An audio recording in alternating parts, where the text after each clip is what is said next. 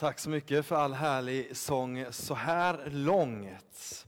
Jag ska dela med mig av några ord till er och tänkte inleda med att ge er en liten uppgift där ni ska få prata med varandra och alldeles strax vända er om till er granne.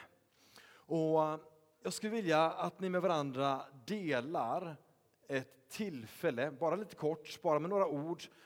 Vi hinner inte med en lång roman nu, utan bara ett litet tillfälle där du känt att du varit modig. Så fundera på ett tillfälle då du känt, då var jag modig.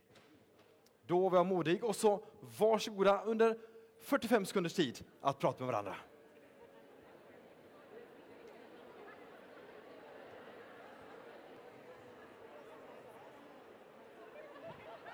Sådär. Då hoppas jag att ni hunnit dela lite kort med varandra. Eh, jag vet inte vad ni eh, delade med varandra, vad ni berättade för varandra. Men jag gissar att det inte var några berättelser där du red runt i en stor rustning och krigade mot drakar.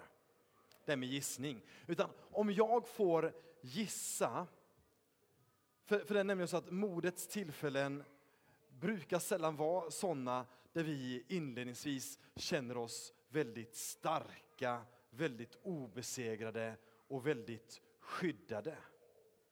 Istället så är det snarare så att jag skulle gissa att modets tillfälle, där du känt dig modig, är ett tillfälle när du känt att du utsatt dig för en risk. Då du känt dig sårbar, då du öppnat upp dig för någon. Förhoppningsvis landade det väl. Och jag tror också att någonting vackert säkert fick växa från det. Jag skulle gissa att de här tillfällen, tillfällena när du kände dig modig var tillfällen när du alltså kände dig sårbar. Tillfällen samtidigt som du också kände dig väldigt levande. För mod har nämligen att göra med sårbarhet. Och sårbarhet har att göra med livet. Att leva fullt ut, att tillhöra, att skapa, att älska. Ser vi kopplingen? Mod, sårbar, sårbarhet och att leva. Nu skulle jag vilja att vi alla här inne tar vår hand och så knyter vi den så mycket och hårt vi bara kan. Superhårt knyter våra händer och krama riktigt sådär så att du känner att handen vitnar. Och så öppnar vi handen. Vilken befrielse! Och man kan se folk över hela kyrkan här bara andas ut när man äntligen fick öppna handen. Vilken skillnad det är på att leva öppet jämfört med att neurotiskt leva stängt och hålla fast vid sitt eget. Så mycket skönare det är att leva öppet, sårbart, givande. Idag firar vi Lucia, en person som jag tänker är ett exempel på precis de här sakerna. Som visade mod, inte genom att vara stark i en rustning, utan genom att vara sårbar, riskera någonting och samtidigt därmed också vara så levande man kan vara och ge liv till andra.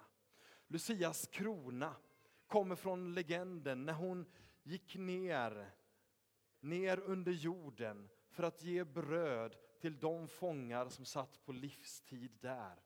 Hon gick ner i mörkret och kom med liv. På ett liknande sätt steg Gud ner från himlen för att komma med liv till dig och mig. Och på ett liknande sätt får vi också göra gentemot våra medmänniskor.